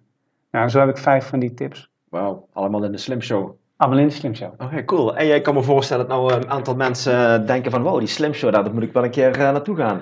Sterker nog, uh, ik zelf film ook een keer meemaken. Ja, je moet doen. Je moet absoluut doen. Ja, absoluut. De volgende keer ben, ben ik er zeker bij. Maar nee, maar we gaan het anders doen, Marcel. Kijk, ik, ik, heb, het, ik, heb het idee... Uh, uh, kijk, wij gaan sowieso gaan we samen een masterclass doen. Voor alle mensen die deze podcast luisteren, wij gaan een masterclass doen. Maak 2020 je beste jaar ooit. Legendarisch jaar. Je legendarische jaar. Legendarisch Daar wordt hij. Absoluut. Ja. ja. En, uh, maar ik heb in maart plan ik een open lijn slim show in Eindhoven. Ah, even kijken of in het Parktheater of Natlab Theater, maar dat ga ik doen. En ik heb, uh, ik heb een aantal vloggers, bloggers om me heen, maar ook trainers om me heen. Mm -hmm. Ik heb jou natuurlijk ook. en mijn intentie is om een slim show te organiseren waar iedereen naartoe kan komen. Om dit mee te maken en te ontdekken. Waarbij je met een concreet plan en een nieuwe routine de deur uitloopt, waardoor we dat stukje, je beste jaar ooit nog een stukje krachtiger maken. Uh, je legendarische jaren, zoals jij het noemt. Ja. Uh, maar daarvoor uh, ga ik ook gebruik maken van, uh, van onder andere jou en uh, mensen van Less Stress en Maaike Rotteveel, die, die het heeft over het volgen van je intuïtie. En Thomas over het zorgen dat je de juiste tijdelementen efficiënt kan opvolgen. Nou, zo heb ik allemaal fantastische mensen die gaan meedoen. En dat wordt heel erg leuk, weet je wel. En dan kunnen mensen dat een keer bezoeken. En dan ga ik, uh, we gaan dat online gaan we dat wel verspreiden. Ook, uh, ja, zeker. Ik hou jou wel even in de loop ervan. Ja, cool. Ja, cool, ja zeker. Nou, maart 2020, uh, ehm, ja, fantastisch. Klinkt heel erg goed, inderdaad. Ik, ik bedenk me trouwens net dat het hele slim gebeuren kun je toepassen op andere elementen in je leven. Hè. Ik bedoel, voor relaties wat natuurlijk best wel een hot topic is, kun je dat ook toepassen. Ja, kijk. Kijk, ei- eigenlijk is, is het zo dat als mensen die de Slim Show. Kijk, kan, kan ik wel eens vertellen hoe, dat- hoe dat werkt. Kijk, mijn, mijn eerste notie is dat de meeste mensen die, eh, die hebben persoonlijk leiderschap nog te weinig ontwikkeld. En dan kun je merken als je gewoon een simpele vraag stelt: weet je waar je talent is? Heb jij bezield leven, werk op dit moment? En doe je het ook? Mhm. Kijk, mensen weten wel eh, dat er iets niet klopt, alleen ze zijn niet in staat het patroon te veranderen. Dat is ook normaal, omdat je brein gewired is om veilige paden ja. te, te Mhm. bewandelen. En dat het veranderen van gedrag vele malen moei- moeilijker is als dat wij zelf denken. Nou, ehm, maar het heeft ook te maken dat ze eigenlijk te weinig zelfinzicht hebben in wie ze nou werkelijk zijn en wat hun motiveert en wat hun rode lijn is en of ze het op dat moment wel goed manifesteren. Dus meestal als we de, eh, beginnen met een training, en dat geldt ook voor de slim training, dan profilen we mensen en dan geven mensen 100% zelfinzicht wie ze zijn. En dan heb je een soort status quo Mhm. waar je staat. Mhm. Nou, en vanaf dan ga je die training doen. En in die training dan ga je eigenlijk kijken, oké, wat is je routine nu en waar loop je nou tegenaan wat je belemmert? Wat is het 100% zeker het levensscript wat daarmee te maken heeft? Mhm. Hoe kun je dat levensscript oplossen? Zodat je een vrijere visie, perceptie krijgt op het leven. En dan gaan we vanaf dan gaan we eh, eigenlijk alles opnieuw opbouwen. Dan gaan we zorgen dat mensen vitaler worden. Mhm. We gaan zorgen dat ze een duidelijke bestemming krijgen, een duidelijke koers waar ze voor kunnen gaan. Dat doen we bijvoorbeeld door eh eh, missiebepalingsoefening met ze te doen. Mhm. En dat ze meer hun leven gaan inrichten vanuit een missie en identiteit in plaats van vanuit wat de omgeving en hun gedragingen zeg maar oproepen. Dat is net de omgekeerde route. Nou, en van daaruit ga je dan werken aan het concreet maken van een nieuwe routine. En die routine zit overal in. Dat zit in de manier hoe je communiceert, Mhm. in de manier hoe je verbindt, in de manier hoe je kijkt. Het zit hem in eh, positief denken en handelen. Het zit hem in eh, sporten onderdeel maken van je eh, dagelijkse leefroutine. Mhm. Het zit in begrijpen van je emoties. Het zit hem in het maken van beslissingen in plaats van keuzes. Weet je? En met name, en dat is het meest belangrijke, dat zegt uh, Maite altijd, slim draait om, wij weten alles. En als je het niet weet, dan kun je het leren. Mhm. Maar wij doen te weinig. Ja, ja. Wij doen Ja. te weinig wat belangrijk, voor je, echt belangrijk voor je is. Dat doen we te weinig. En er is maar een heel klein mensen die dat doen. En om mij heen hangen allemaal mensen die dat wel doen. Dat is ook heel nice. Ja. Want ik krijg regelmatig een flinke schop onder mijn ass. Als ik weer in zo'n fase zit dat het even niet lukt. Of, eh, ik heb allemaal mensen die me een schop onder mijn ass geven. Soms een aaitje, soms een knuffeltje. Mhm. De Paulintjes geven me een knuffeltje en een hukje. En zeggen, Wout, jij kan dit, let's go. Mhm. Jij doet dat trouwens ook. Jij bent ook meer van die route. Maar ik heb bijvoorbeeld Iwan, Iwan the Warrior, Iwan Markman. Dat is de zoon van Ponke Prinsen. Ja, he kicks my ass every time. Ja, en het is goed. Ja, absoluut is dat goed. Ja. Ja. Een asskicker heb je nodig inderdaad. Ja. Ja. Ja. ik wou dat ik een eh, grotere asskicker had af en toe. Ja, absoluut. Hey, eh, ervaar je trouwens wel een rode draad in de obstakels die mensen aantreffen in hun leven die hun tegenhoudt om Ja. allemaal die elementen... Ja, zeker, zeker, zeker 90% van de mensen die heeft eh, in de kern weinig zelfvertrouwen. Oké. Ja, en, en wij zijn natuurlijk extern georiënteerd. Dus wat, wat in de maatschappij gebeurt, is dat wij eh, prikkels van. Kijk, het brein wordt aangestuurd voor 95% door je emoties. En emoties, daar heb je positieve en negatieve van. Mhm. Die positieve moet je zoveel mogelijk vermeerderen. Dus liefde, verbinding, empathie, samenwerking, creatie, nou ja, eh, innovatie, noem maar op. Er zijn allemaal goede positieve emoties die je creëert en die je de goede kant op sturen. Maar je hebt ook negatieve emoties. En die negatieve emoties zijn eigenlijk boodschappers van je lijf dat je iets moet aan gaan doen. En je hebt hele lichte emoties, zoals bijvoorbeeld eh, teleurstelling Mhm. of eh, lichte frustratie. Eh, dat zijn lichte emoties. Maar je hebt ook hele zware, zoals bijvoorbeeld eenzaamheid en schuld en agressiviteit. Dat zijn eh, emoties. En wij in de maatschappij, wij hebben geleerd om die te dempen. Zowel de eh, hele positieve, je mag bijvoorbeeld niet je geliefde volop de mond kussen in bijzijn van andere mensen. It's not done. Je mag niet keihard lachen. It's not done. Maar aan de andere kant mogen we ook niet agressief zijn. It's not done. We mogen ook niet overmatig gefrustreerd zijn. It's not done.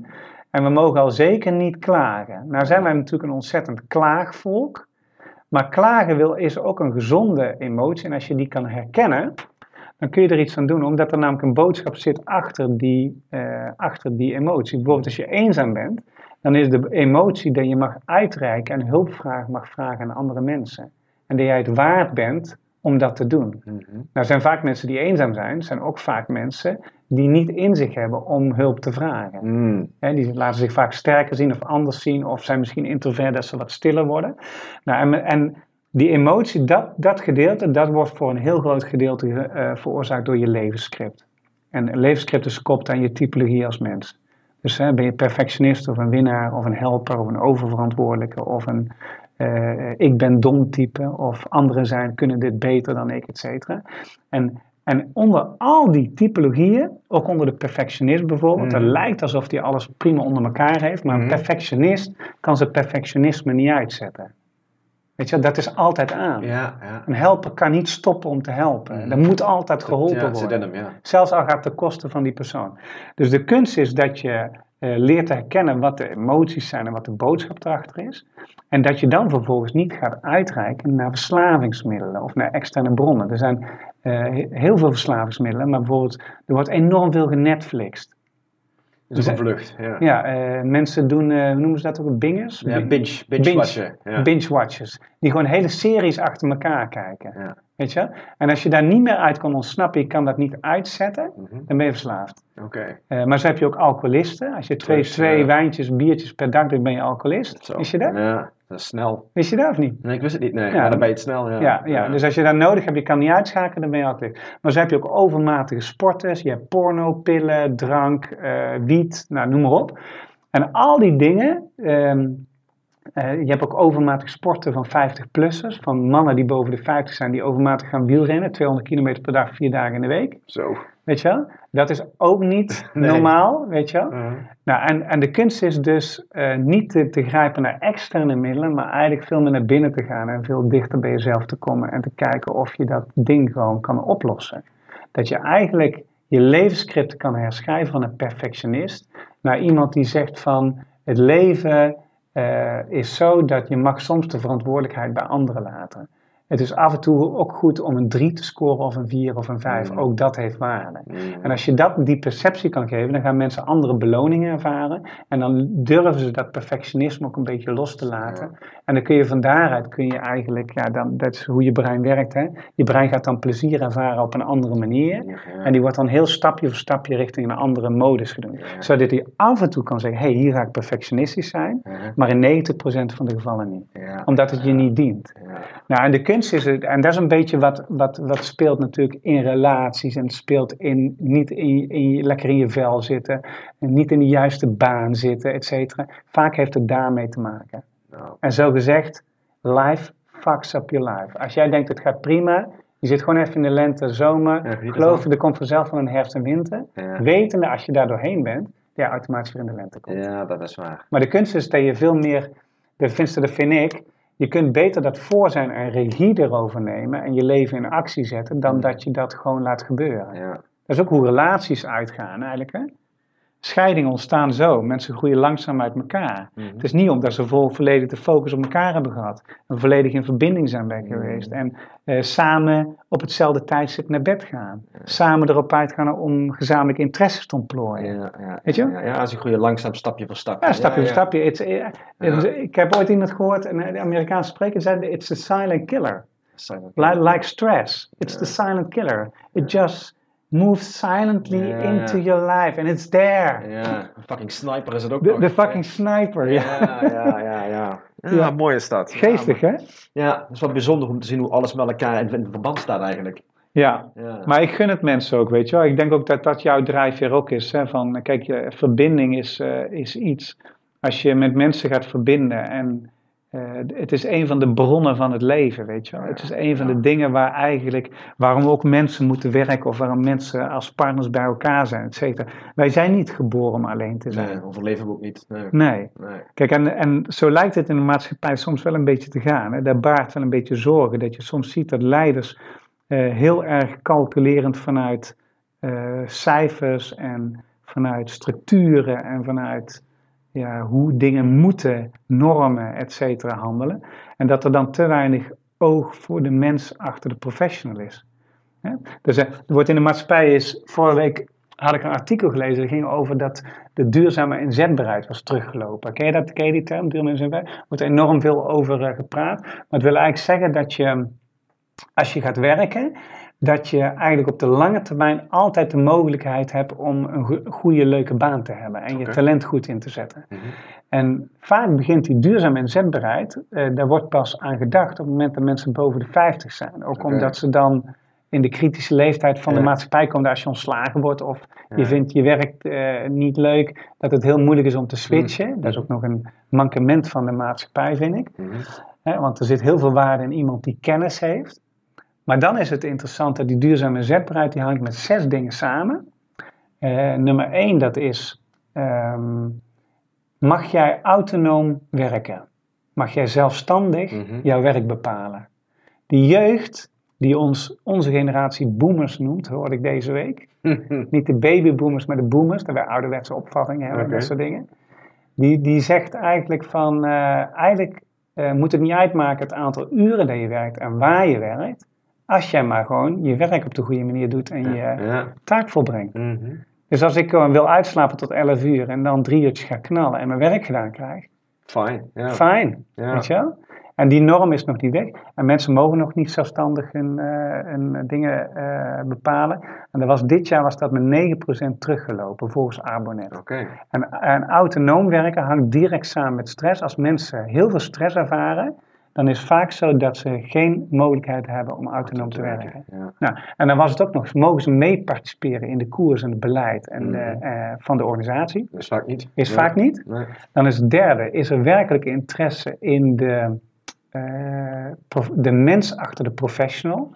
Voeren wij regelmatig het leuke, goede gesprek? Mm. Of hebben wij functioneringsgesprekken? Ja, ja, en uh, bilats, gerelateerd aan uh, resultaten en functioneren. Ja, Weet je wel? Waarschijnlijk dat laatste. Ja. Nou, dat laatste komt heel veel voor. Dat Mm. komt ook omdat we competenties hebben in plaats van dat we kijken naar talenten. Talenten, ja. Ja. Nou, dan heb je de vierde. Wordt er opleiding op maat ge- gedaan? Er wordt heel veel collectief gewoon gemeenschappelijke trainingen georganiseerd. Maar wordt er in een bedrijf ook wel eens gezegd van... hé, hey, jij je wordt heel blij van punniken, maar jij mag naar een punnencursus. Ja. Weet je wel? Want stel je voor dat doet, worden mensen gemotiveerd. Ja. En dan zijn ze ook gemotiveerd op hun werk. Die relatie wordt heel weinig getrokken. Uh, maar ook op maat, zeg maar. Soms hebben we, hè, wij geven wel eens trainingen en dan, bijvoorbeeld ik moet nou een sales team gaan trainen, die moeten beter gaan samenwerken. En die zijn we nou aan het coachen. En dan is de kunst, is de ene die heeft heel veel sales training gehad, die moet je eigenlijk langs de beste verkoper van Nederland zetten. Eén uurtje.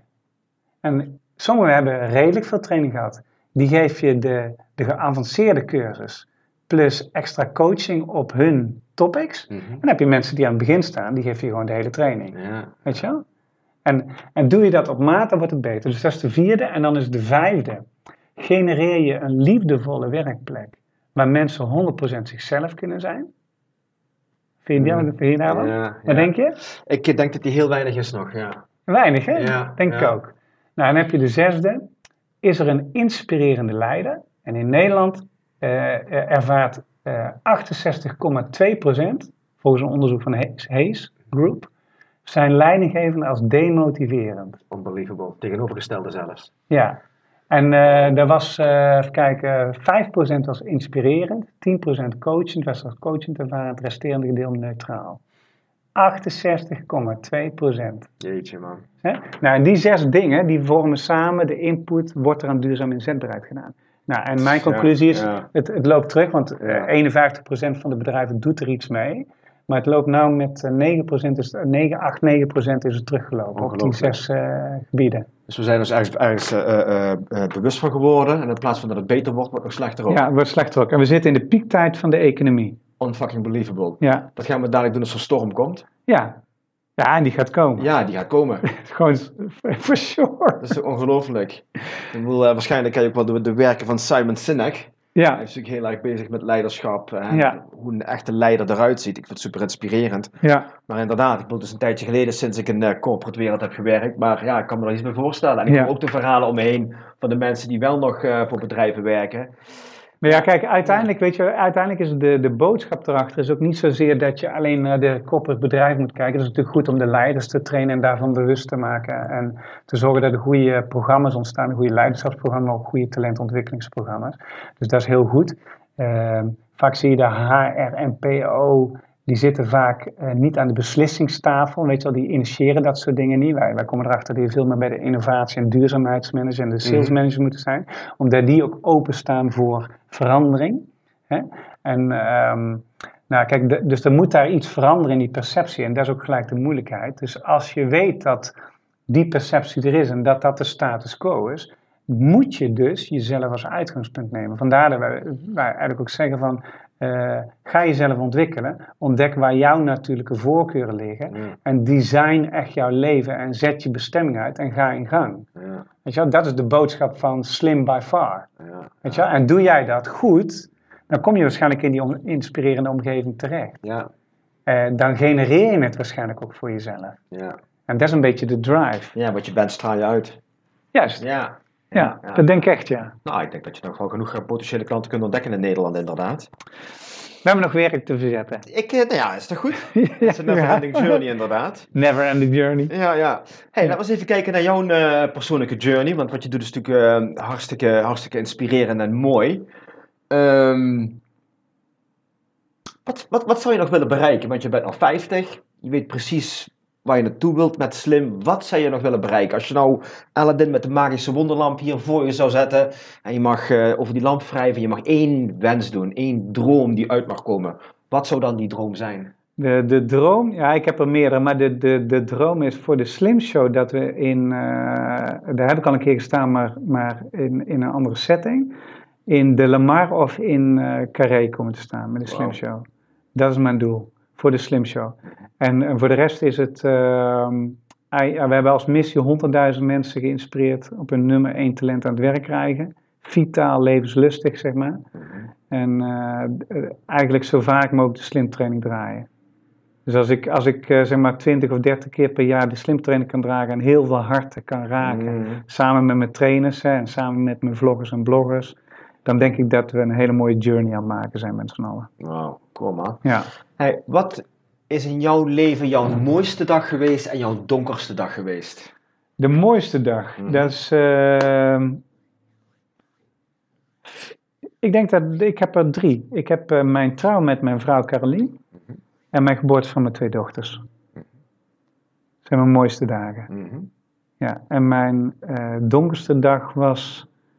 Uh, ik heb twee momenten gehad. overlijden van mijn vader en overlijden van mijn beste vriend uh, Luc. Oké. Ja, twee jaar geleden. Dus verlies is wel. Uh... Ja, weet je, het hoort, die heeft wel over een heel mooi, mooi eindje gekregen. Dus uh, in de zin van allebei. Hè, allebei hebben ze een plekje gekregen. In, in, die zin is dat wel goed geweest. Maar dat was wel de, het zwaarste, denk ik, ja. Okay. ja. Wat maakte het zo zwaar?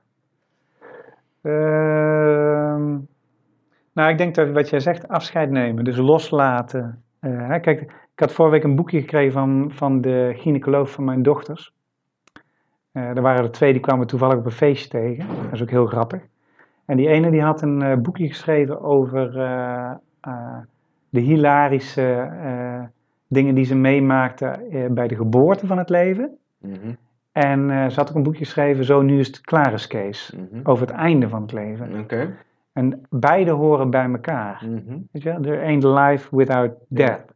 Zij schreef, um, eigenlijk zijn we vanaf het moment dat we geboren uh, worden, zijn we elke dag bezig om te voorkomen dat we doodgaan.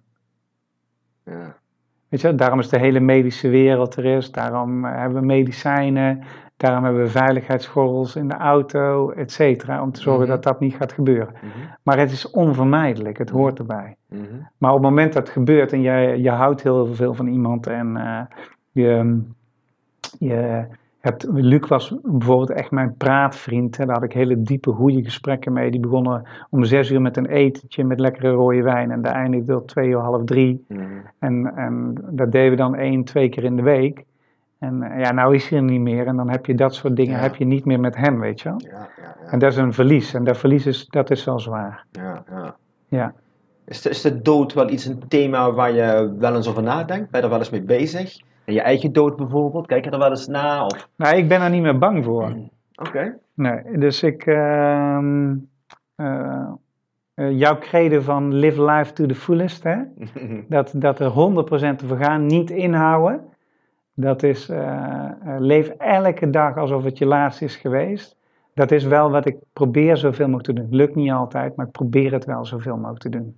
Mhm. Door echt eh, de dingen die echt belangrijk zijn, zoveel mogelijk te laten voorkomen en te, uit te dragen, et cetera.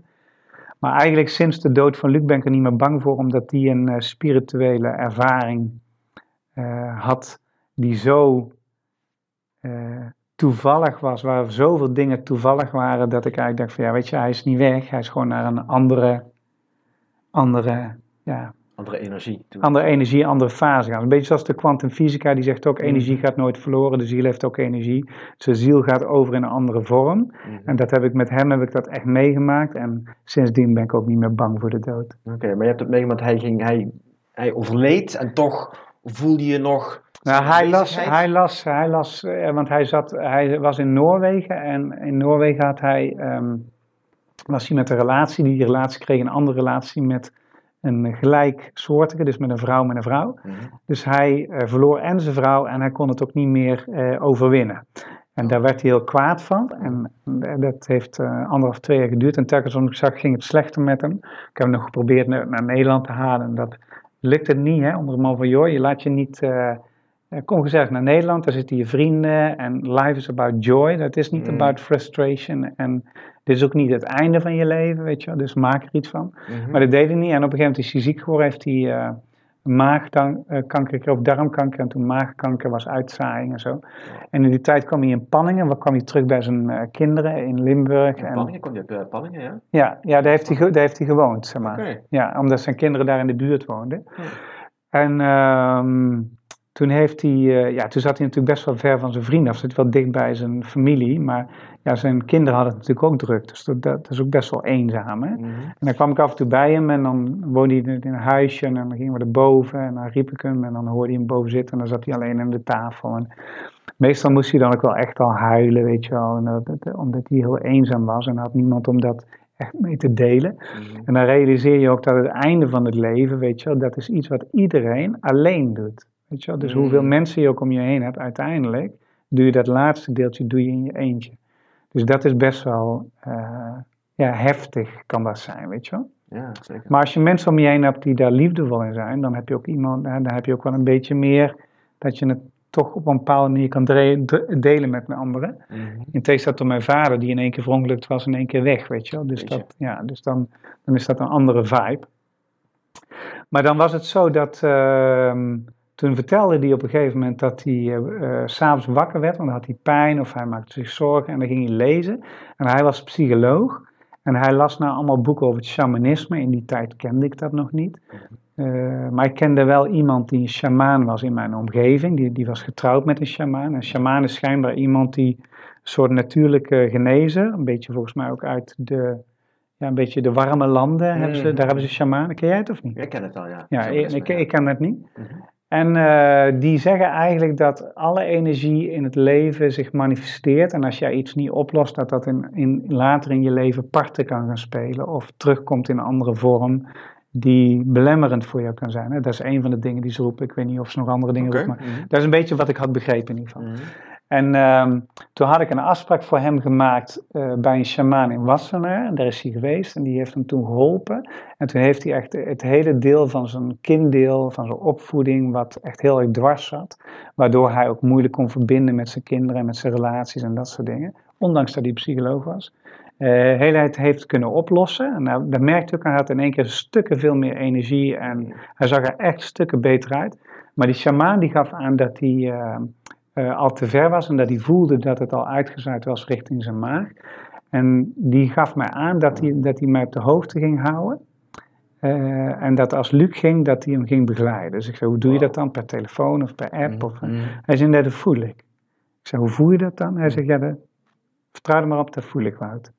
Nou, en toen kreeg ik op de dag dat hij overleed, dat was 7 november, op 6 november kreeg ik een eh, appje om 6 uur dat Luc uh, de, in de nacht zou gaan vertrekken en dat hij hem ging begeleiden. En dan had hij een ritueel met vuur en met stenen en weet ik veel wat allemaal meer. En dat klinkt echt, als je heel nuchter bent en rationeel, dan denk je van, what the fuck? En dan denk je nog van, ja, het zal wel. Maar het is een leuke gedachte, denk je dan. Tuurlijk, ja. Maar dan vervolgens word ik om tien voor vier wakker. En dan denk ik, volgens mij gaat hij nou. En om vier uur val ik slaap, nu is hij weg. En toen kreeg ik om zes uur kreeg ik een, een appje van de zus van Luc. Dat Luc in bijzijn van uh, zijn dochters uh, uh, is overleden om vier uur. Huh. dat vervolgens, zeg ik, dat is ook toevallig. Ik, nou, dus ik zeg dat tegen mijn vrouw. Ik krijg om half negen een berichtje van de app dat Luc is gegaan om vier uur. Dat het een mooi proces was geweest van de shamanen. Dat het een bijzijn was van zijn dochter. Want hij liep op een gegeven moment in een visioen, zeg maar, een heuvel op. Zijn dochter kwam op een jongste dochter. Uh, die kwam op een gegeven moment meehelpen om Luc te ondersteunen naar boven. Toen waren ze boven aangekomen, heeft Luc haar naar beneden gestuurd om elf zielen op te halen. Toen zijn ze door de linkerdeur naar binnen gegaan en waren ze vertrokken. Vervolgens uh, bel ik Rut op, s'morgens, om haar te condoleren. En ik vertelde dus ook toevallig, ik had een berichtje gehad van de shamaan. En die tijd van jouw zus en die shamaan klopt precies. Maar hij schreef ook dat uh, ja, jouw jongste zus op een gegeven moment langs Luc liep. En dat ze met z'n drieën Luc omhoog hebben geholpen. En dat hij haar nog naar beneden heeft gestuurd. Waarop Rut uh, zei van, uh, dat is echt, ik krijg helemaal kippenvel. Want ja, de jongste dochter had, die vertelde later dat toen Luc de adem uitblies, dat ze een beeld binnenkreeg, dat ze samen een heuvel opliepen wow. met een man.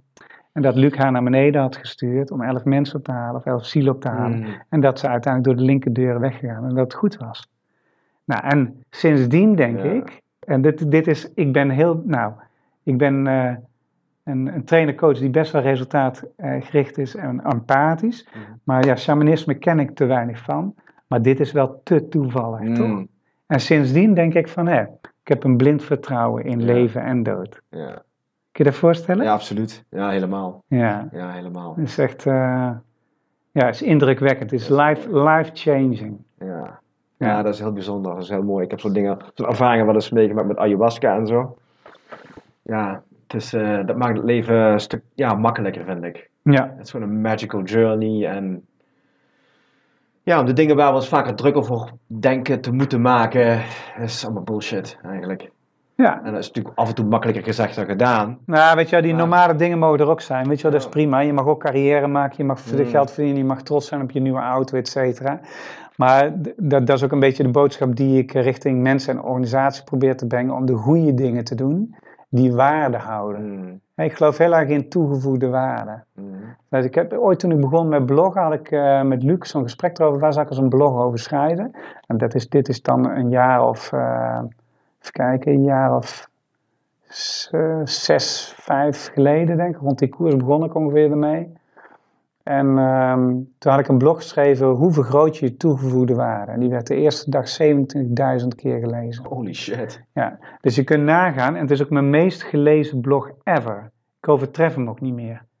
En dat is eigenlijk hetgeen wat, wat, waar het om draait in het leven. Hoe vergroot jij je toegevoegde Ja, waarde? ja, ja. Hoe kun jij maken wat jij wil zijn? Hoe kun je maken wat je wil maken van je carrière? Hoe kun jij jouw kinderen zo begeleiden dat zij gelukkig, vrij en op de goede plek terechtkomen? En hoe doe je dat? Met name dat. ja, ja. En dat is, dat is mijn drijfveer voor elke dag. Ja, dat geloof ik, ja. Hoe, hoe wil jij later herinnerd worden? Er komt ook een dag die jij je laatste adem uitblaast. Hoe wil jij dan herinnerd worden? Nou, als, als, als, eh, ik heb ooit een keer zo'n zo'n oefening gedaan eh, tijdens zo'n training. En dan mo- mocht je je eigen grafsteentekst Oh, schrijven, ken je dat? Ja, ik ken het, ja. En toen had ik geschreven van... eh, hij was inspirerend en, en hielp mensen om het beste uit zichzelf en anderen te halen. En als mensen dat herinneren, heb ik het goed gedaan. Hm, Oké, Dan is mijn legacy is complete. daar kunnen we een punt achter zetten, inderdaad. Ja. Ja. Ja. Ik wil graag het, het laatste vraag, laatste woord is uiteraard aan jou. Eh, we zijn nu bijna een uur en een kwartier eh, bezig. Eh, ik vind het een super interessante podcast. Echt super inspirerend vertellen, hele mooie dingen, heel breed ook. Eh, heel leerzaam. Ehm, wat wil je nog als laatste meegeven aan de mensen die dit nou aan het luisteren zijn? En mensen die zeggen van, wauw, wel, het klopt allemaal. Een slim show wil ik meedoen. Ik wil meer aan mezelf werken. Ik wil een betere versie van me neerzetten, op welk vlak dan ook. Wat zou je die mensen nog Ja, wil je een boodschap of wil je ze iets geven?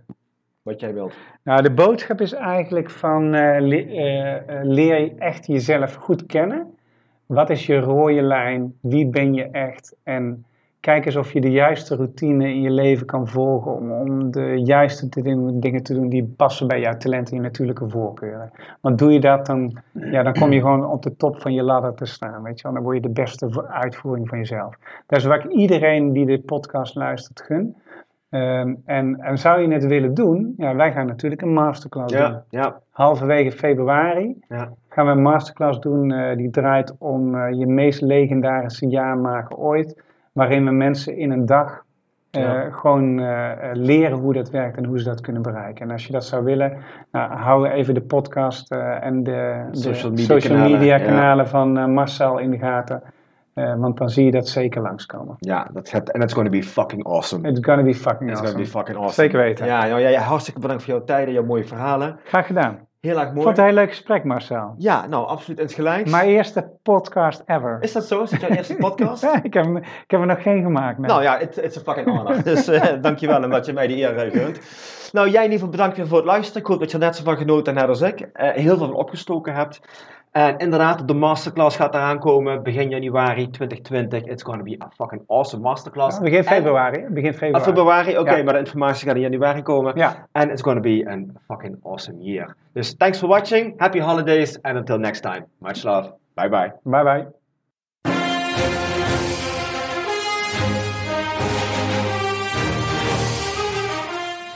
Ik hoop dat je net zoals mij weer hebt genoten van de mooie verhalen van mijn gast en er hopelijk iets aan hebt gehad.